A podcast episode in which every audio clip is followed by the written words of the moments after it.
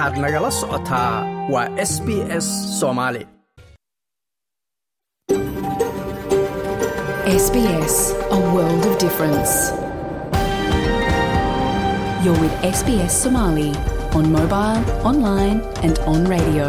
waxaad nagala socotaan s b s soomaali oo aad ka heli kartaan mobil online iyo rediyoga habeen wanaagsan dhammaantiin. Meel kastoo aad joogtaan waa habeen jimcaha labaatan bisha augosto sannadka labada kun labaatan saddexda. Halka aad caawa naga dhegaysanaysaana waa laanta af soomaaliga ee idaacadda s b s iyo stuudiogada melbourne ku yaalla. Waxaana idinla socodsinaya anigoo ah maxamed madar. Waxyaabaha aad caawa idaacadda ku maqli doontaan waxaa ka mid ah xubintii sboortiga ee idaacadda s b s oo meelo badan taaban doonta barnaamijka australia explain oon kaga hadlayno arrimaha jailkeerka iyo xanuunnada carruurta ku dhaca markii la geeya jailkeerka iyo sida loo maareeyo. Ra'isul wasaare xamse oo isagu ka hadlay shir uu ku tababar ugu soo gebagabeeyey saraakiil iyo saraakiil ku-xigeen hogaamiyaha afgembiga naijer oo isagoo oggolaaday inuu sii daayo madaxweynihii hore ee la afgembiyey haatanse qodobada warka ugu doorka roon waxaa ka mid ah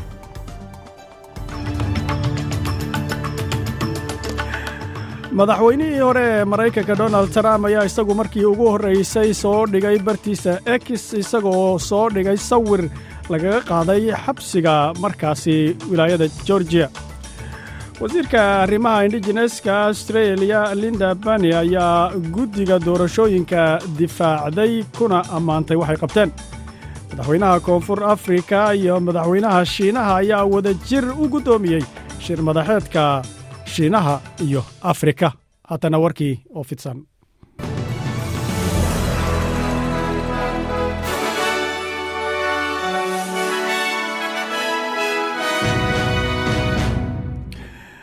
Madaxweynaha trump ayaa isagu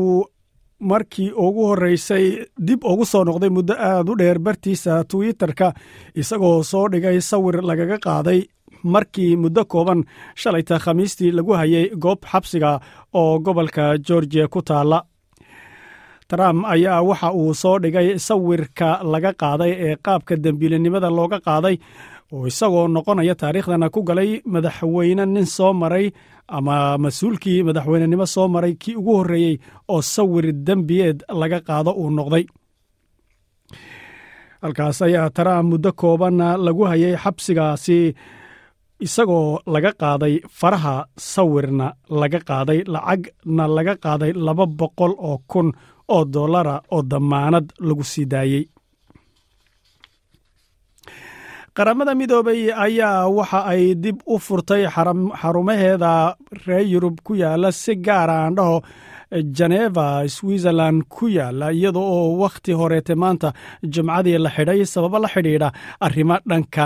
nabadda ah ama ammaanka ah oo laga shakiyey. Hay'adda ayaa warmurtiyeed ay soo saartay waxay tidhi waxa aan doonaynaa in la ogaado arrintii koobnayd ee amniga ahayd in la xaliyey dhammaanna albaabada ama iliinada laga soo galo dhismaha in la wada furay laakiinse wax tafaasiila oo faahfaahsanna kama ayna bixinin hay'addu. Wakhti horeete qaramada midoobey waxay tidhi waaxda ammaanka ee raacsan dhismahaasi qaramada midoobey ee ku yaalla geneva switzerland ayaa waxaa la sheegay in dhibaato arrimaha amniga ah ay soo food saartay dhismahaasi waxaa ka mida oo ku yaalla golaha xuquuqda aadamaha ee qaramada midoobey raacsan iyo xarumo kaleeto oo diblomaasiyiin iyo shaqaalaha howlaha bani aadanimada ka shaqeeya. Halka warkaasi aad kala socotaan waa laanta afka soomaaliga ee idaacadda s b s gobolka queensland ra'iisul wasaarihii hore ayaa isagu waxa uu ahaa ee geeriyooday ee la sagootiyey geeridiisa ama meydkiisa maanta hogaamiye isagu wakhti munaasaba yimid sida ay sheegtay hogaamiyaha queensland shakhsiyaad siyaasadeed oo hore iyo kuwa haatanba mas'uuliyiina ayaa waxa ay ku biireen qoyska mike ayhan oo isagu halkaasi si rasmiya loogu sagootiyey meydkiisii laba toddobaad ka hor isagoo siddeetan iyo kow jir ku dhintay. Premierka queensland sidoo kaleete hogaamiyaha mucaaradka iyo hogaamiyaha federaalka ee isaguna mucaaradka mas'uuliyiin fara badan ayaa iyagu halkaasi ku sagootiyeen iyada oo queensland hogaamiyaheeda ay iyaduna tiri ninkaasi wuxuu ahaa nin casrigiisa ka horreeya.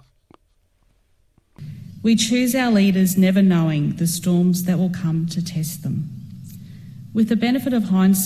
we can see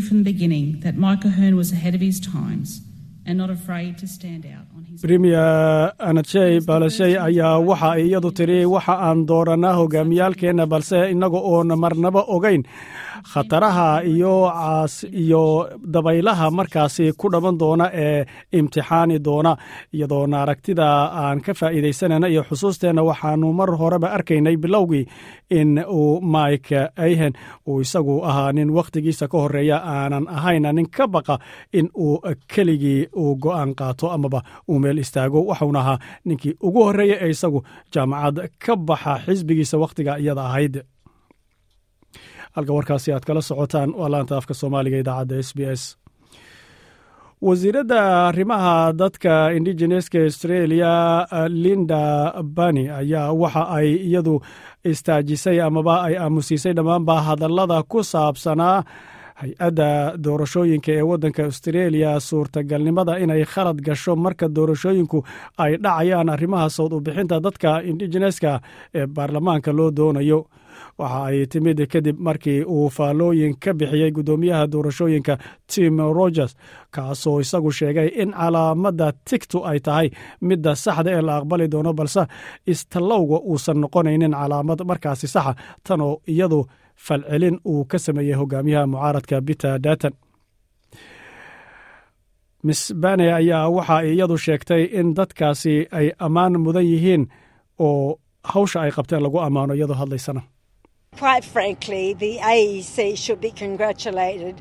for having more people, Aboriginal people, on the roll than ever before in our history sida cadab ay tiri doorashooyinka hay'addaasi u xilsaaran waxaa loogu hambalyaynayaa inay dad badan oo aboriginaalah ay ku leeyihiin doorka aan weligeed ka dhicin dalkeenna iyada oo aan si dhow iskaashi ah ula shaqayno dadka ula shaqaynayno dadka doonaya in ay u arkaan tan inay tahay afti cadaalada oo loo siman yahay. Halka warkaasi aad kala socotaan weli waa laanta afka soomaaliga ee idaacadda s b s. Madaxweynaha koonfur africa siril ramaphosa iyo dhiggiisa shiinaha shi jinping ayaa si wada jir ah u shir guddoomiyey shir madaxeed shiinaha iyo afrika oo khamiistii ka dhacay magaalada johannesburg oo ahaa shir doceed markaasi brikis shir madaxeedkeedii ka farcamay. Kooxda brikis ee dhaqaalaha soo koraya waxaa ka mida brazil russiya indiya jinaha iyo south africa master jinping ayaa isagu bogaadiyey bayaan ay si wada jira u soo saareen shiinaha iyo afrika. Hogaamiyaha shiinaha ayaa isagu sheegay in dalkiisu uu sii dayn doono hindisayaal iyo qorshayaal lagu taageerayo afrika dhinacyada warshadaha iyo sidoo kaleeta casriyeynta beeraha iyo waxbarashada. Isagoo hadlayana waxa uu yidhi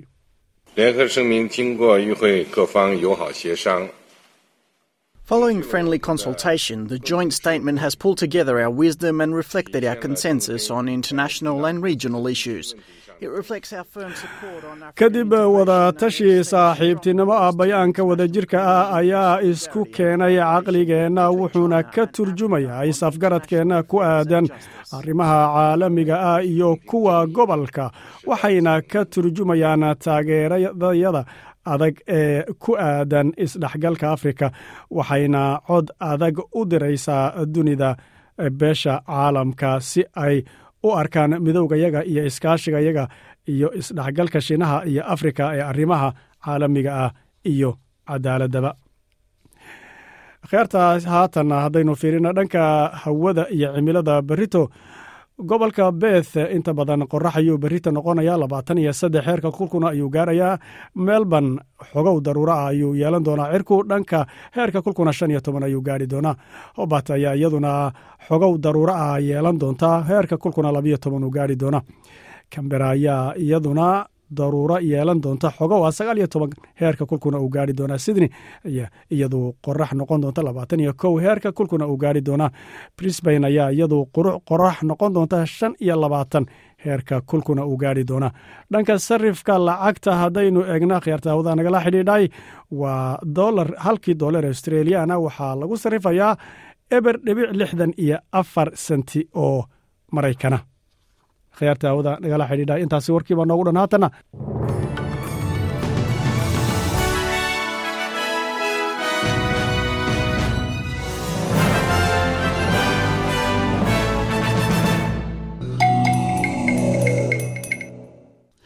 waxaana wanaagsan dhegeystayaalkii uu ku soo dhowaada bilowga barnaamijkeenna. Waxaa noo soo socda barnaamijka australia oo ku saabsan australia explain oo ku saabsan arrimaha jailkerka iyo barbaarinta carruurta oo isagana ka hadli doonaa siyaabaha loo maareeyo carruurta xanuunkooda. Marka xarumaha jailkerka la geeyo iyo faa'iidooyinka jailkerka ku jira ee ku saabsan in fursad loo helo carruurta marka halkaa la geeyo shaqa in waalidku u daydayan karo. Sidoo kale waxaad maqli doontaan iyadana ra'iisul wasaare xamse oo isaguna tababar u soo xidhay saraakiil iyo saraakiil ku-xigeen tababar ciidan oo markaana turkisom xeradaasi loogu soo xidhay. Dhambaalla halkaasi uu ka tabiyey. Warbixin baan inaga haynaa. Sidoo kaleete taage afhayeenka ama hogaamiyaha afgembiga waddankaasi niger oo isagu sheegay in uu ogol yahay in la sii daayo madaxweynihii uu jagada ka xayuubiyey maxamed baazum balse uu diiday in markaasi jagada dib loogu soo celiyo warbixinahaas kala duwan oo noo soo socda haatan waxaad ku soo dhowaataan qadar xubinta isboortiga s b s oo noo soo diyaariyey waryaheenna cabdilxafiid zaciimka dhegeysawan xubinta isboortiga kooxaha kubadda cagta horseed iyo gaadiidka oo soomaaliya ku matelayay tartamada naadiyada bariga iyo bartamaha qaaradda afrika ee caf confederation ayaa guuldarooyin xanuun badan kala soo guryo noqday tartamadaasi. Kooxda kubadda cagta ee gaadiidka oo iyadu ah horyaalka kubadda cagta dalka soomaaliya ayaa laba lug waxay la soo ciyaartay kooxda a b r ee ka dhisan dalkaasi ruwanda islamarkaana haysata horyaalka dalkaasi. Kulanka lugta koobaad oo lagu ciyaaray dalka tanzania oo soomaaliya ay u isticmaashay guri ahaan ayaa lagu kala tegay gooli gool iyadoo markaasi kooxda gaadiidka ee dalka soomaaliya ay gool ku hormartay laakiin markii dambe la bareejeeyey lugta labaad oo laysugu tegay caasimada dalka ruwanda ayaase waxaa looga adkaaday kooxda gaadiidka ee dalka soomaaliya laba gooli waxba taasoo la micno ah in labadii lug celcelis ahaan saddex iyo hal kooxda gaadiidka ee dalka soomaaliya tartanka looga ciribtiro islamarkaana kooxda e b r ay wareega xiga u soo gudubtay. Dhanka kooxda horseed oo kaalinta labaad ka gashay horyaalka kubadda cagta dalka soomaaliya ayaa iyana la ciyaartay kooxda carta solar ee ka dhisan dalka jabuuti. Kulankii lugta koobaad ayaaba la mooday in kooxda horseed ee ciidanka qalabka sida ee soomaaliya la soo quusiyey markii looga adkaaday saddex gooli waxba. Kulanka lugta labaad oo ka dhacay caasimada dalka jabuuti ayaa sidoo kale kooxda horseed looga adkaaday saddex iyo waxba. Sidaasoo celcelis ahaan lix gooli eber kooxda cagta solar ee kaga adkaatay kooxda horseed islamarkaana u gudubtay wareega labaad ee koobka confederation ee qaaradda africa dhanka iyo caasimada dalka hungary ee budapest waxaa si rasmiya uga soconaya tartanka horyaalka ciyaaraha fudud ee dunida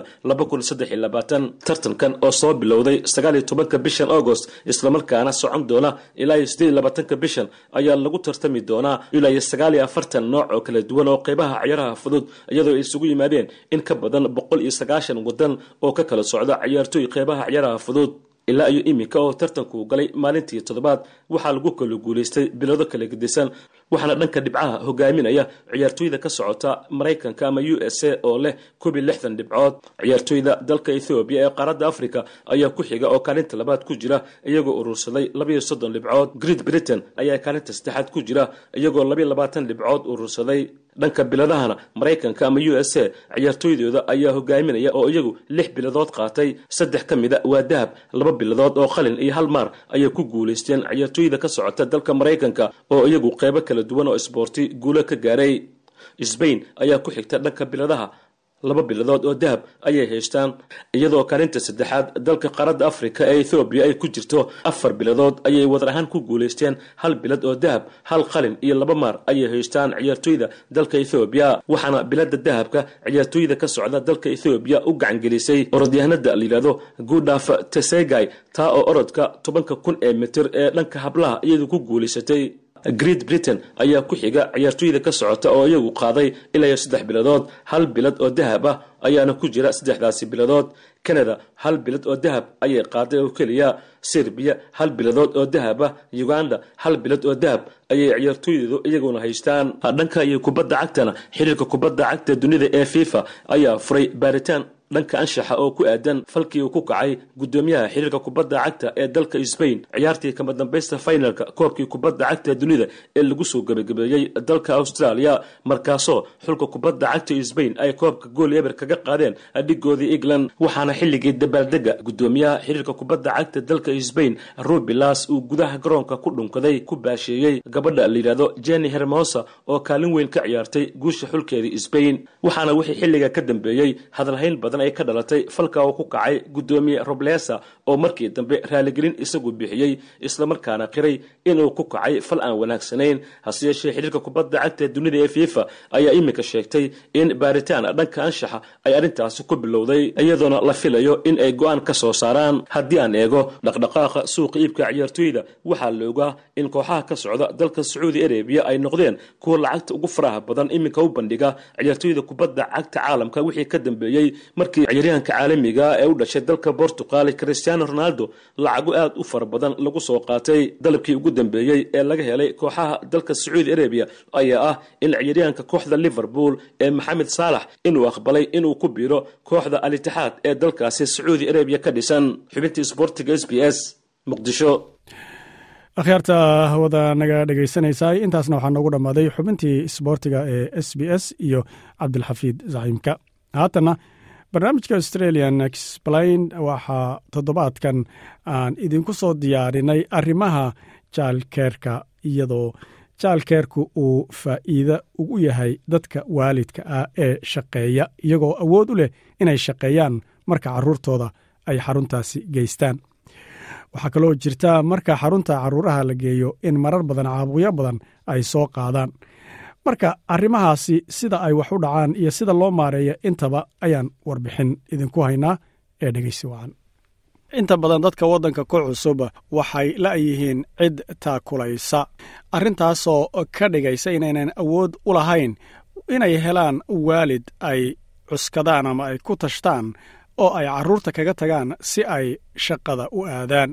Xarumaha waxbarashada ee carruurta yaryarka ahi waxa ay noqon kartaa markan oo kaleete mid caawinaad badan leh waana arrinta aadka loogu taliyo tanoo u oggolaanaysa waalidku inay dib ugu noqdaan shaqada. Ka soo qoridda ilmaha adeegga daykeerka sidoo kaleete waa adeeg baahi loo qabo kaasoo dhisaya carruurta difaacooda si gaara carruurta yaryarka ah. Intaasna waxaa kaloo weheliya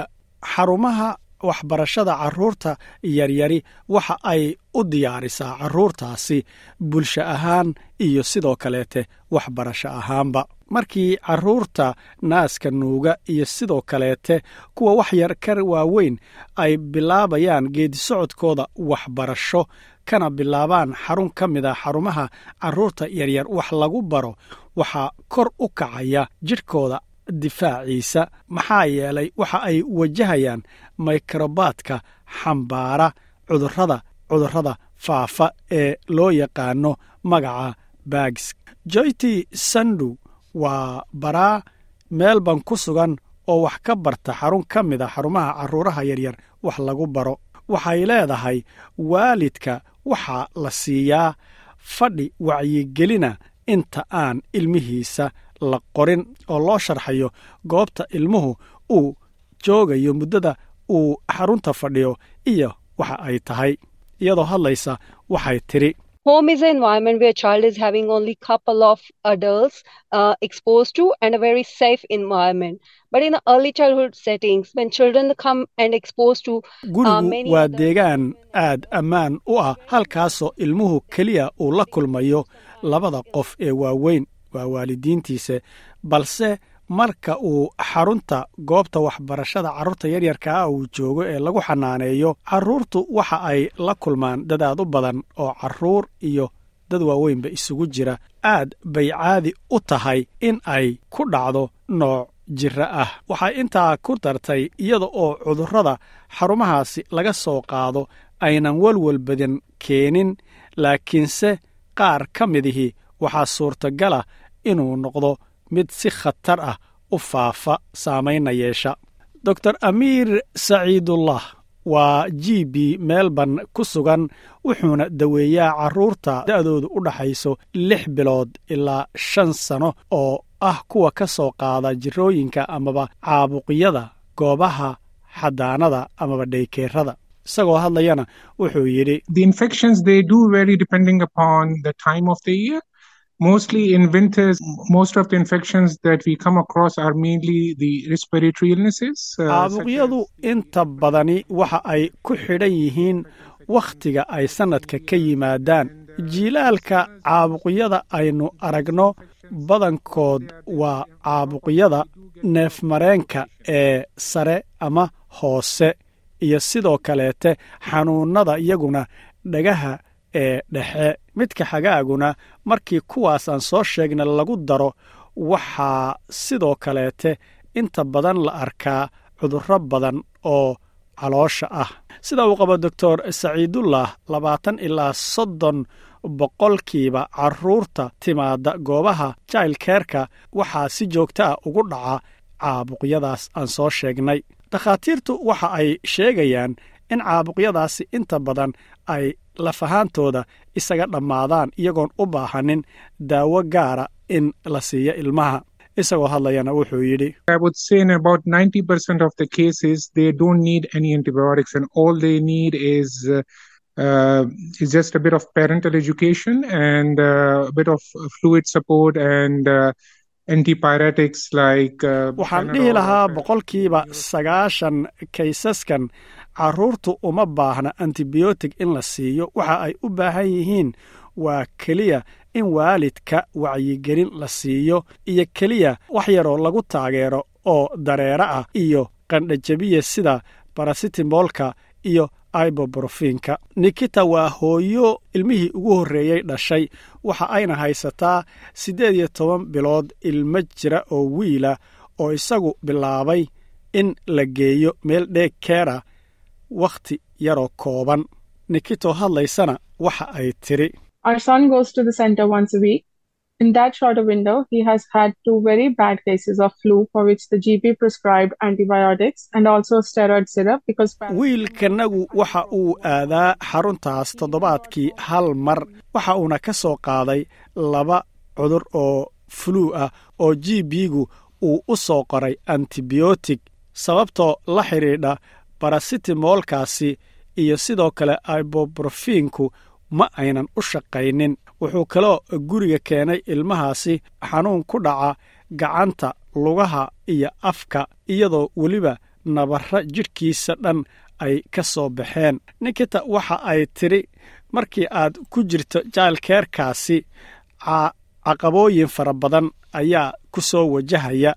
waxayna tidhi mar kale the biggest challenge we face is the frequent calls we get from childcare to come and pick the kid up, even if all they have is just a runny nose, which is fairly common in this cold weather. dhibaatada ugu weyn ee naga hor timid waa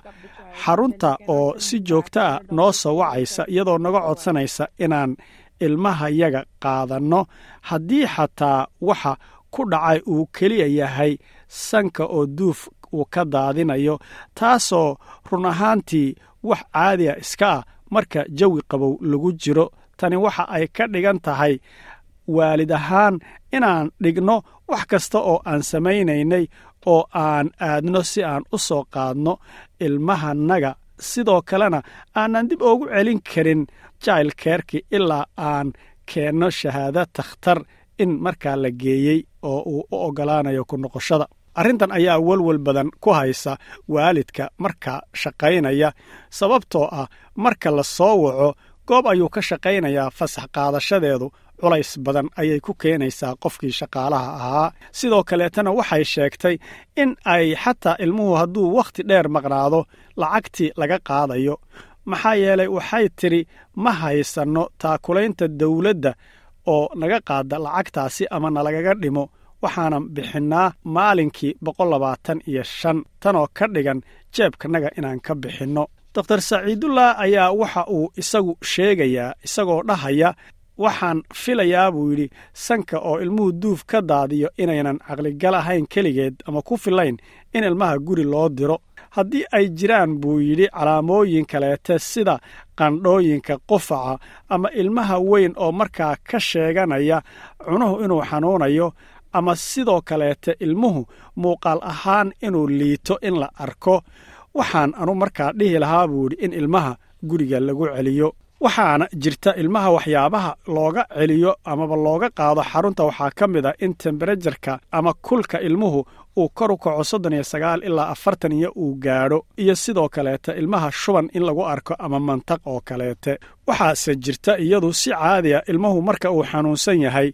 in guriga loo qaado inay tahay buu yidhi sababtoo ah waxaa imanaysa mid waa ilmaha lafahaantiisa oo daryeelkiisa loo baahan yahay oo haddii markaasi ay tahay in isbitaal horey laga geeyo amaba si gaara loo keergareeyo in uu mudan yahay ilmahaasi in dadaalkaa uu helo. Waa midda labaadee carruurta kale ee uu ku dhex jira laftoodu waxaa ka saaran shaqaalaha iyo dadka waxbaraya waajib ah in ilmaha xanuunsan laga ilaaliyo carruurtaasi inuusan ku dhex jirin si haddaba looga fursado in halkaasi caabuqya faafa ay wakhti helaan kuwaasoo laga fursan karay doctor saciidullah ayaa isagu waxaa kaloo uu sheegayaa in ilmaha oo si fiican loo nafaqeeya lafteedu inay muhiim tahay cudurrada yaryarka ee soo noqonaya. Wuxuuna sheegay isagoo hadlayana wuxuu yidhi inta badan carruurta noocaasihi waa carruur cunto xun taasina waxay la xidhiidhaa inay la ilxun yihiin nafaqadarro sida nuqsaan kaga timaada ayronka iyo fitamin d-ga sidaa daraaddeed in nafaqooyinkooda lagu kabo qaab kiniini ahaana ama qaab dureere ah ayaa waxa ay kor u qaadaysaa nidaamka difaacooda iyadoo sidoo kaleetana ka yaraynaysa fursada inay caabuqyada noocaasoo kale ah ay ku dhacaan. Sidaa daraaddeed takhaatiirtu waxa ay si xooga oogu taliyaan tallaalka carruurta in la siiyo tanoo ah qaab looga hortago caabuqyada carruurta dhexdeeda ku faafa iyo sidoo kaleete una soo gudba ama saamayn kara dadka waaweyn ee ku xeeranba. Akhyaarta hawada nagala xidhiidhay intaasna waxaa noogu dhammaaday barnaamijkaas australian explain oo ah toddobaadkan aan ku soo qaadanay jaalkeerka iyo siyaabaha looga faa'iidaysto iyo sidoo kaleete xarumahaasi carruurta tagaa cudurrada amaba caabuqyada ay soo qaadaan iyo sida loola macaamalo qodobada warka ugu doorka roon mar kaleete akhyaarta hawada nagala xidhiidhay madaxweynihii hore maraykanka donald trump ayaa isagu markii ugu horreysay soo dhigay bartiisa x sawir uu lagaga qaaday goobta xabsiga ah ee gobolka georgiya oo muddo halkaasi lagu hayay laguna sii daayey kafaalad lacaga oo qadarkeedu dhan yahay laba boqoloo kun oo dollar oo maraykana wasiirka arrimaha indigeneska ee australia linda bania ayaa iyadu guddiga doorashooyinka ka difaacday arrimaha warqadaha codbixinta oo iyagu laga sheegay inay suurtagal tahay khaladaad inay ka imaan karaan. Kadib markii mas'uulkaasi doorashooyinka uu isagu sheegay in tigsiinta ay tahay midda la qaadan doono ee laakiin istalowgu uu noqon doono mid aan sax ahayn madaxweynaha koonfur afrika iyo sidoo kaleete madaxweynaha shiinaha ayaa si wada jir ah u shir guddoomiyeen shir madaxeed isagu afrika iyo shiinaha loo qabtay. Haatan akhyaarta hawada nagala xidhiidhay. Ku soo dhowaada barnaamijkeennaasi aan gabagabaynay kadib qadar nasashaa mar kaleete khiyaarta na dhegaysanaysa ay ku soo dhowaada barnaamijteena oon dhexda kaga jirno waxaa noo soo socda hogaamiyaha afgembiga naijer oo isagu sheegay in uu ogol yahay in la sii daayo madaxweynihii hore ee jagada laga xayuubiyey maxamed bazuum isagoo markaana se diiday in jagada dib loogu soo celiyo. Ekowas ayaa iyadu dhankeedana culaysya ka wada midowda afrikana xubinimada waddankaasi naijer way hakiyeen haatan waxaad ku soo dhowaataan ra'iisul wasaare xamse cabdi bare ayaa tababar u soo xidhay saraakiil iyo saraakiil xigeenad isagoo tababarkaana ku soo xidhay xerada tababarka ciidanka ee turkisom la yidhaahdo isagoo sidoo kaleetana dhambaalla kala duwan u kala diray shacabka iyo al-shabaab. Warbixintaasi waxaa noo soo diray wariyaheenna soomaaliya cabdixafiid saciimka dhegeysi wacan ra'iisul wasaaraha xukuumadda federaalk ee soomaaliya oo tababar u soo xiray saraakiil iyo saraakiil xigeenno ka tirsan ciidamada xoogga dalka soomaaliya kuwa oo tababar ku qaatay xerada tababarka ciidanka ee turkisom ayaa mar kale fariin u diray ciidanka xarakada shabaab ee ay dowladdu dagaalka kula jirto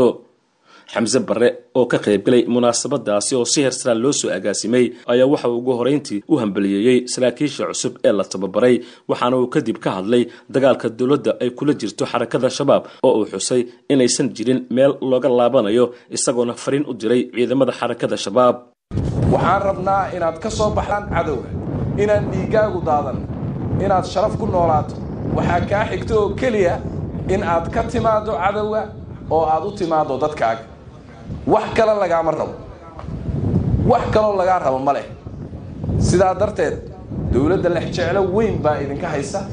Dadkanagii inaad ahaydeen baan aaminsannahay wax aad aaminsan tahay ee xun iyo maskaxda lagaa halleeyey iyo miyirla'aanta kugu dhacsan haddii aad ka soo noqoto wiilkanagii iyo gabadhanadii baad noqonaysaa laakiin intaad waxaa aaminsan tahay cadow baad tahay dalkan aad u tahay diinta islaamka aad u tahay dadkeen aad u tahay. Wax aynaga dhexeeyaana wuxuu noqonayaa in lagu nadiifiyo ayuu noqonayaa. Meel looga laabanayo dagaalkan ma jiro.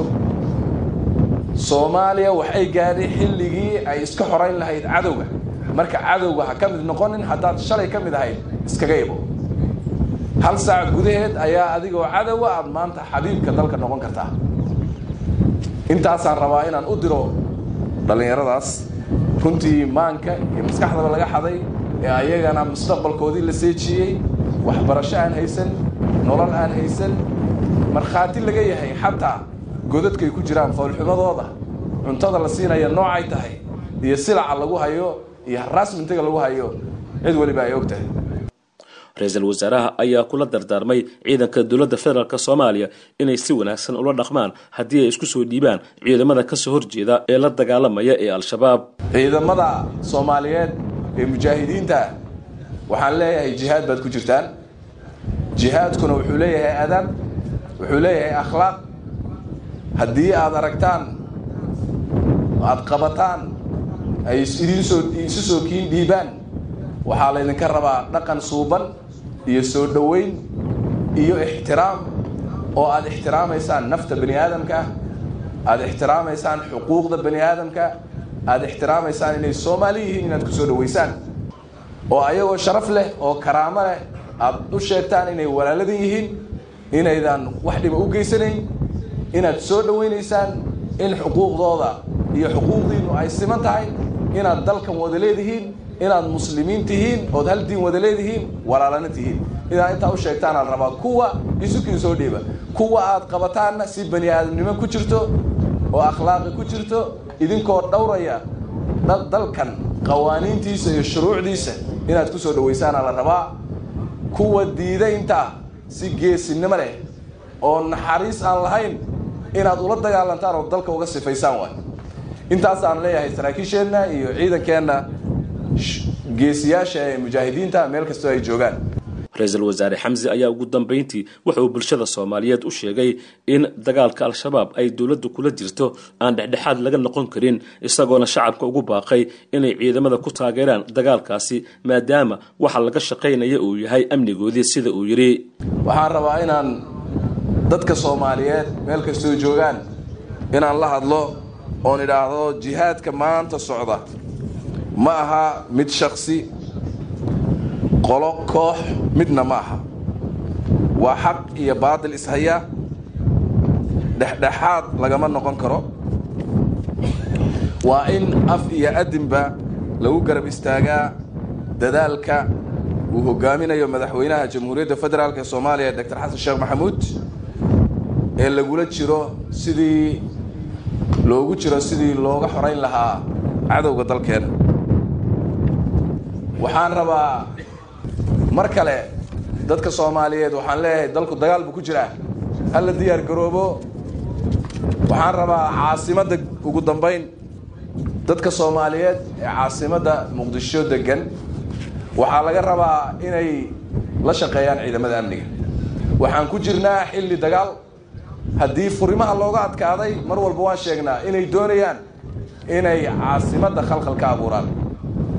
dadaal weyn ayay wadaan ciidamada amnigu ayagoo mahadsan. Laakiin waxaa la rabaa inay dadku feejignaadaan oo ay cadowga ka feejignaadaan. Waxaa la rabaa waxay ka shakiyaan inay soo sheegaan. Waxaa la rabaa baabuurtay ka shakiyaan inay soo sheegaan. Qofkay ka shakiyaanna inay soo sheegaan. Waxaa la rabaa in amniga laga wada qayb qaato. Nolosha waa amni. Amniguna wuxuu u baahan yahay in laga wada qayb qaato. Ciidamada keligood amniga ma sugi karaan haddaan bulshadu ka qayb qaadan marka bulshadu waxaan ugu baaqaynaa inay ka qayb qaataan amniga. Dhammaan qaybaha bulshada culimada dhallinyarada gabdhaha soomaaliyeed aqoon-yahanka cid kasta oo ka mida qayb bulshada soomaaliyeed waxaa laga rabaa inay kaalintooda ciyaaraan maanta maadaama jihaad lagu jiro. Oo aysaan sheegay af kii kaga qayb qaadan kara uu kaga qayb qaato kii kaga qayb qaadan kara adin uu kaga qayb qaato. Dhanka kale maamulka gobolka banaadir ayaa shaaciyey in uu la wareegi doono geerashada iyo guryaha laga soo tuuro ama lagu dhex farsameeyo waxyaabaha qarxa ee qalqalka gelin kara amniga. Afayeenka maamulka gobolka banaadir saalax cumar abuukar saalax dheere oo shir jilaayeed ku qabtay xarunta dowladda hoose ee xamar waxa uu sidoo kale sheegay in maamulka gobolka banaadir uu diiwaan gelin ku samayn doono dhammaanba guryaha aan la deganayn iyo kuwa qabyada ah ee ku yaalla caasimadda taasi oo qayb ka xaqiijinta amniga guud ee caasimada muqdisho sida uu yidhi sidoo kale waxa uu maamulku faray imikilayaasha geerashada ku yaalla degmooyinka dhaca fooraha magaalada in aan laga dhex fulin karin. Falal lidi ku ah amniga caasimada afayeenka ayaa ugu dambayntii waxa uu sheegay in goobahaasi haddii lagu dhex sameeyo arrimaha looga digay ee carqaladaynta amniga caasimada uu maamulku gebi ahaanba la wareegayo iyadoo cidda milkiyadda iska lehna lala tiigsan doono sharciga sida uu yidhi iyadoo la fulinayo go'aamadii ka soo baxay shirkii uu guddoomiyey ra'iisul wasaaraha xukuumadda federaalk soomaaliya mudane xamse cabdi bare labayo labaatanka agost laba kun labaatan iyo saddex ee loogu hadlayay dardargelinta iyo xaqiijinta amniga magaalada muqdisho wuxuu maamulka gobolka banaadir diiwaangelin ku samayn doonaa dhammaan kow. Garaashada la isticmaalay iyo kuwa aan la isticmaalin ee ku yaalla magaalada muqdisho iyo goobaha lagu xareysto gawaarida gaar ahaan degmooyinka iyo deegaanada dhacafooraha magaalada sida kaxda dharkeenley dayniile daarusalaam yaakshiid garas baalley hiliwaa iyo gubadley. Labo waxauu maamulka gobolka banaadir diiwaangelin ku samayn doonaa dhammaan guryaha aan la deganeyn ee ku yaalla magaalada muqdisho iyo kuwa derbiyada ay ku wareegsan yihiin. Sidaa darteed waxauu maamulka gobolka banaadir ku wargelinayaa milkiilayaasha garaashada ku yaalla degmooyinka dhacafooraha in aan laga dhex fulin karin dhexdooda falal lidi ku ah amniga caasimada sida in wax laga soo dhex tuuro ama lagu farsameeyo waxyaabaha qarxa milkiilayaasha guryaha aan la deganeyn iyo kuwa derbiyada ku wareejisan waxaa loogu degayaa in dhexdooda laga fuliyo falal lidi ku ah amniga sida in wax laga soo dhex tuuro ama in lagu dhex farsameeyo waxyaabaha qarxa. Derbiyada ku wareejisan dhulalka aan deegaanka ahayn waxaa cidda milkiyadeedu iska leh lagu wargelinayaa in aysan derbigaasi ka dheeraan karin hal mitir si loola socdo dhaqdhaqaaqa iyo waxa dhexdiisa ka dhex socda si aysan u dhicin in laga dhex fuliyo falal ammaanka qalqalgelinaya. Haddii ay dhacdo in garaashyada ama guryaha aanu kor ku soo sheegnay ama deegaanada aan la deganeyn ee dhulalka derbiyada ku wareejisan in laga soo dhex tuuro ama lagu dhex sameeyo wax waliba oo carqaladeynaya amniga caasimadda waxaa lala wareegayaa gebi ahaan garaashkaasi ama gurigaasi. Cidda milkiyadda iskalena waxaa lala tiigsanayaa sharciga. Akhyaarta hawada nagala xidhiidhay intaasna waxaa ku soo dhammaaday warbixintii uu wariyaheennu muqdisho nooga soo diyaariyey ee ra'iisul wasaare xamza iyo warbixintii kale ku xirnayd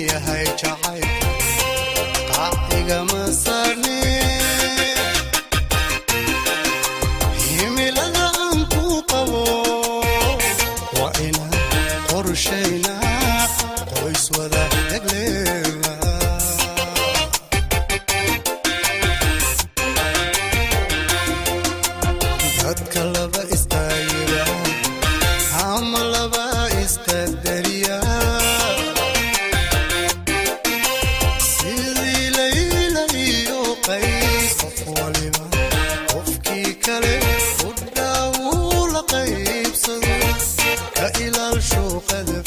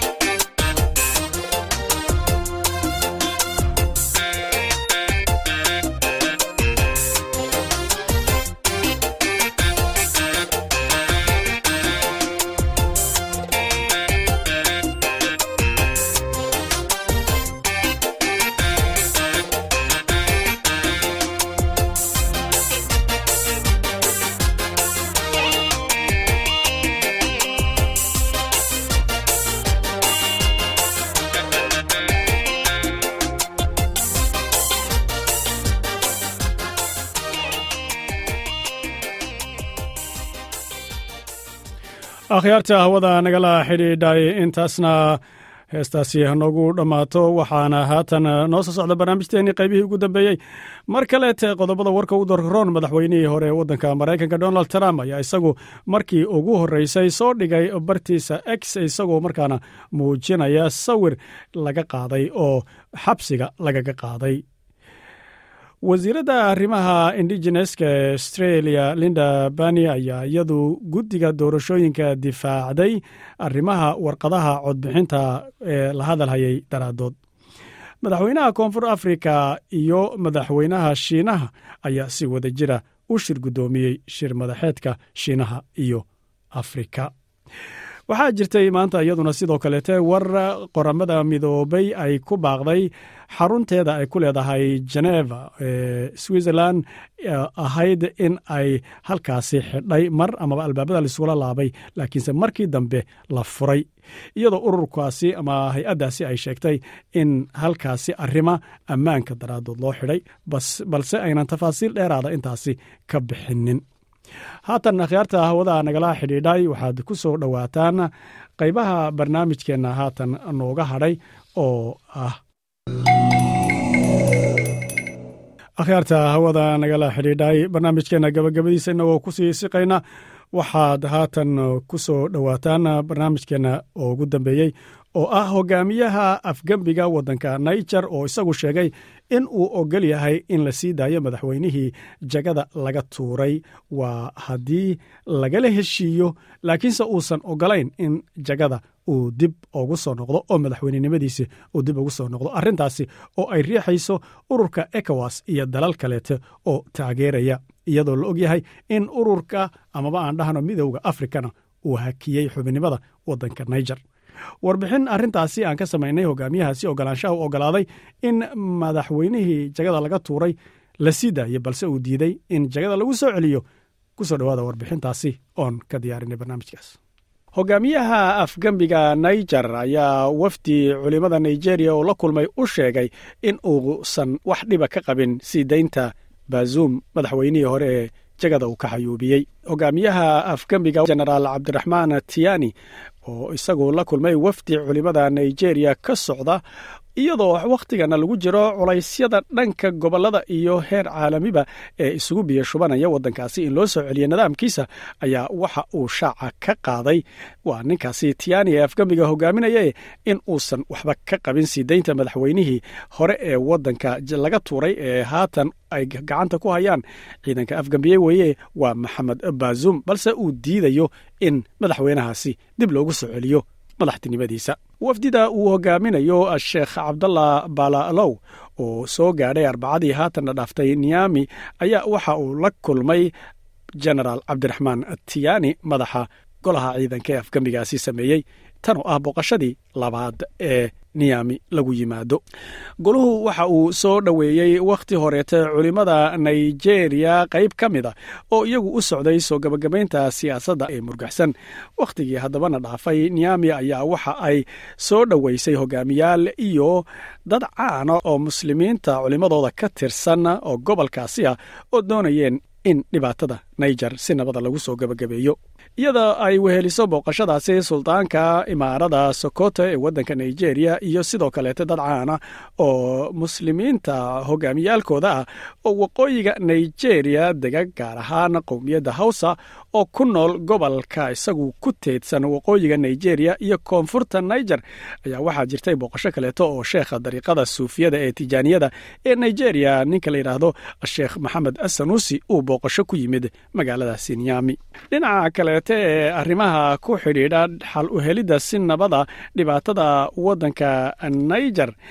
cabdisalaam abubakar madaxweynihii hore waddanka nigeria ahaana madaxa wafdigii ururka ekowas ay u soo direen niyami si ay ula wada xaajoodaan golaha ciidanka ee waddanka nigeria. Waxa uu sheegay in madaxa golaha ciidanka genaraal cabdiraxmaan tiyani uu diiday codsi wafdigu uu waday oo ahaa in lagu soo celiyo madaxweyne maxamed baazum jagadiisii laga xayuubiyey. Waxaase uu sheegay in tiyani uu ogolaaday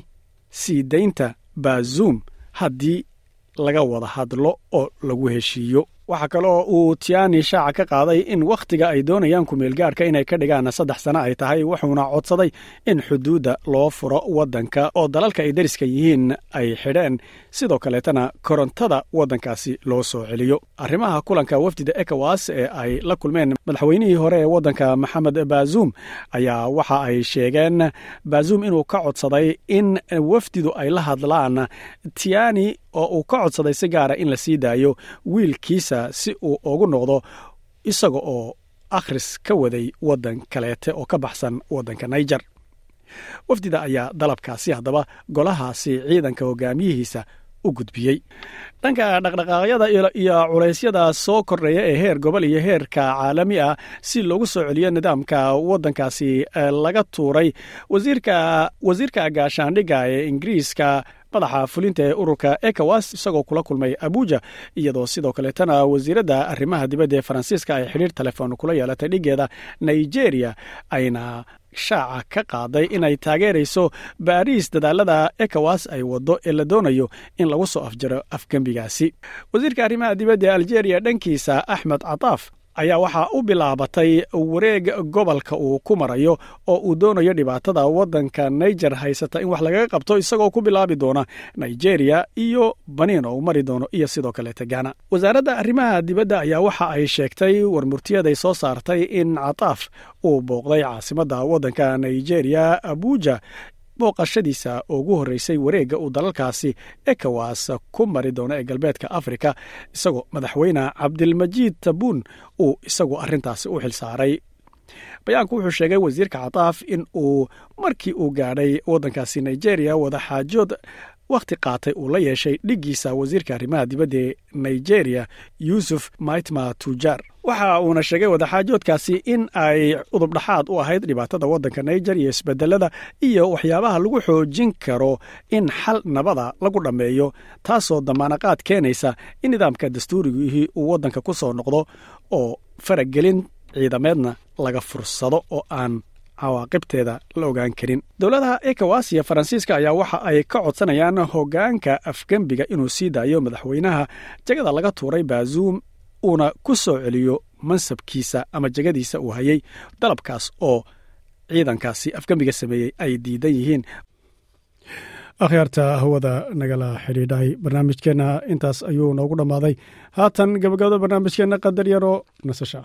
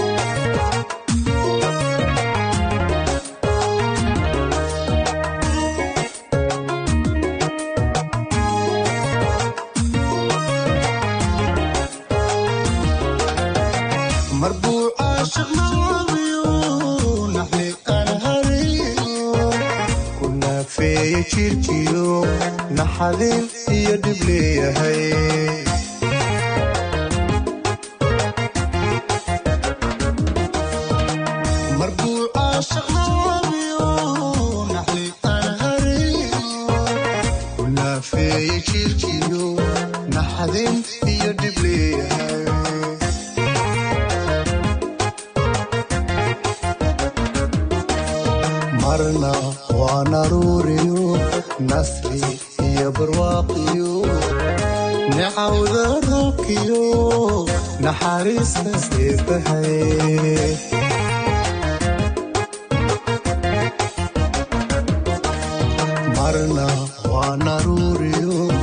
nasri iyo barwaaqiyo nicawda roobkiyo naxariista eebbahay.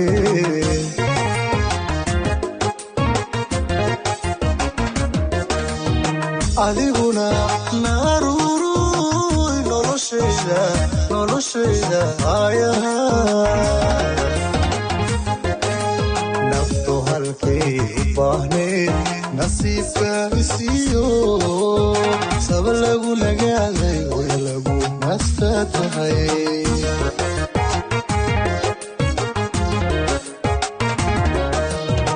adiguna naaruuruy noloshayda noloshayda ayaha naftu halkay u baahnay nasiisaanisiyo saba lagu nagaaday way lagu nasta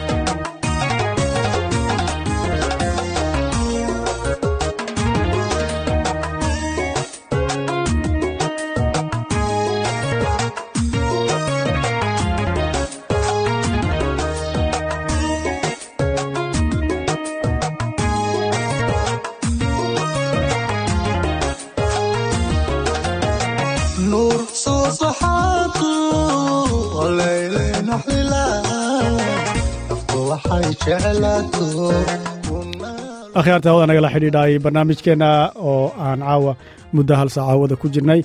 Inta aan midkan oo kale ah ku kulmi doonno waxaan idinkaga tegayaa sidaas iyo nabadgelyo halkani waa laanta afka soomaaliga ee idaacadda s b s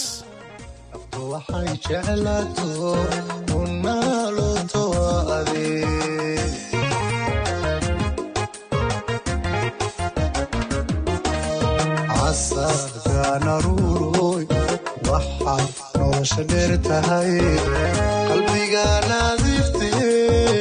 lagu nuda xiishoodkee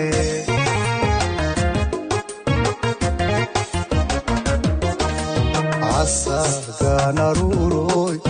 waxaad nolosha dheer tahay like aas la wadaag wax ka dheh lana soco barta facebooka ee sbs soomaali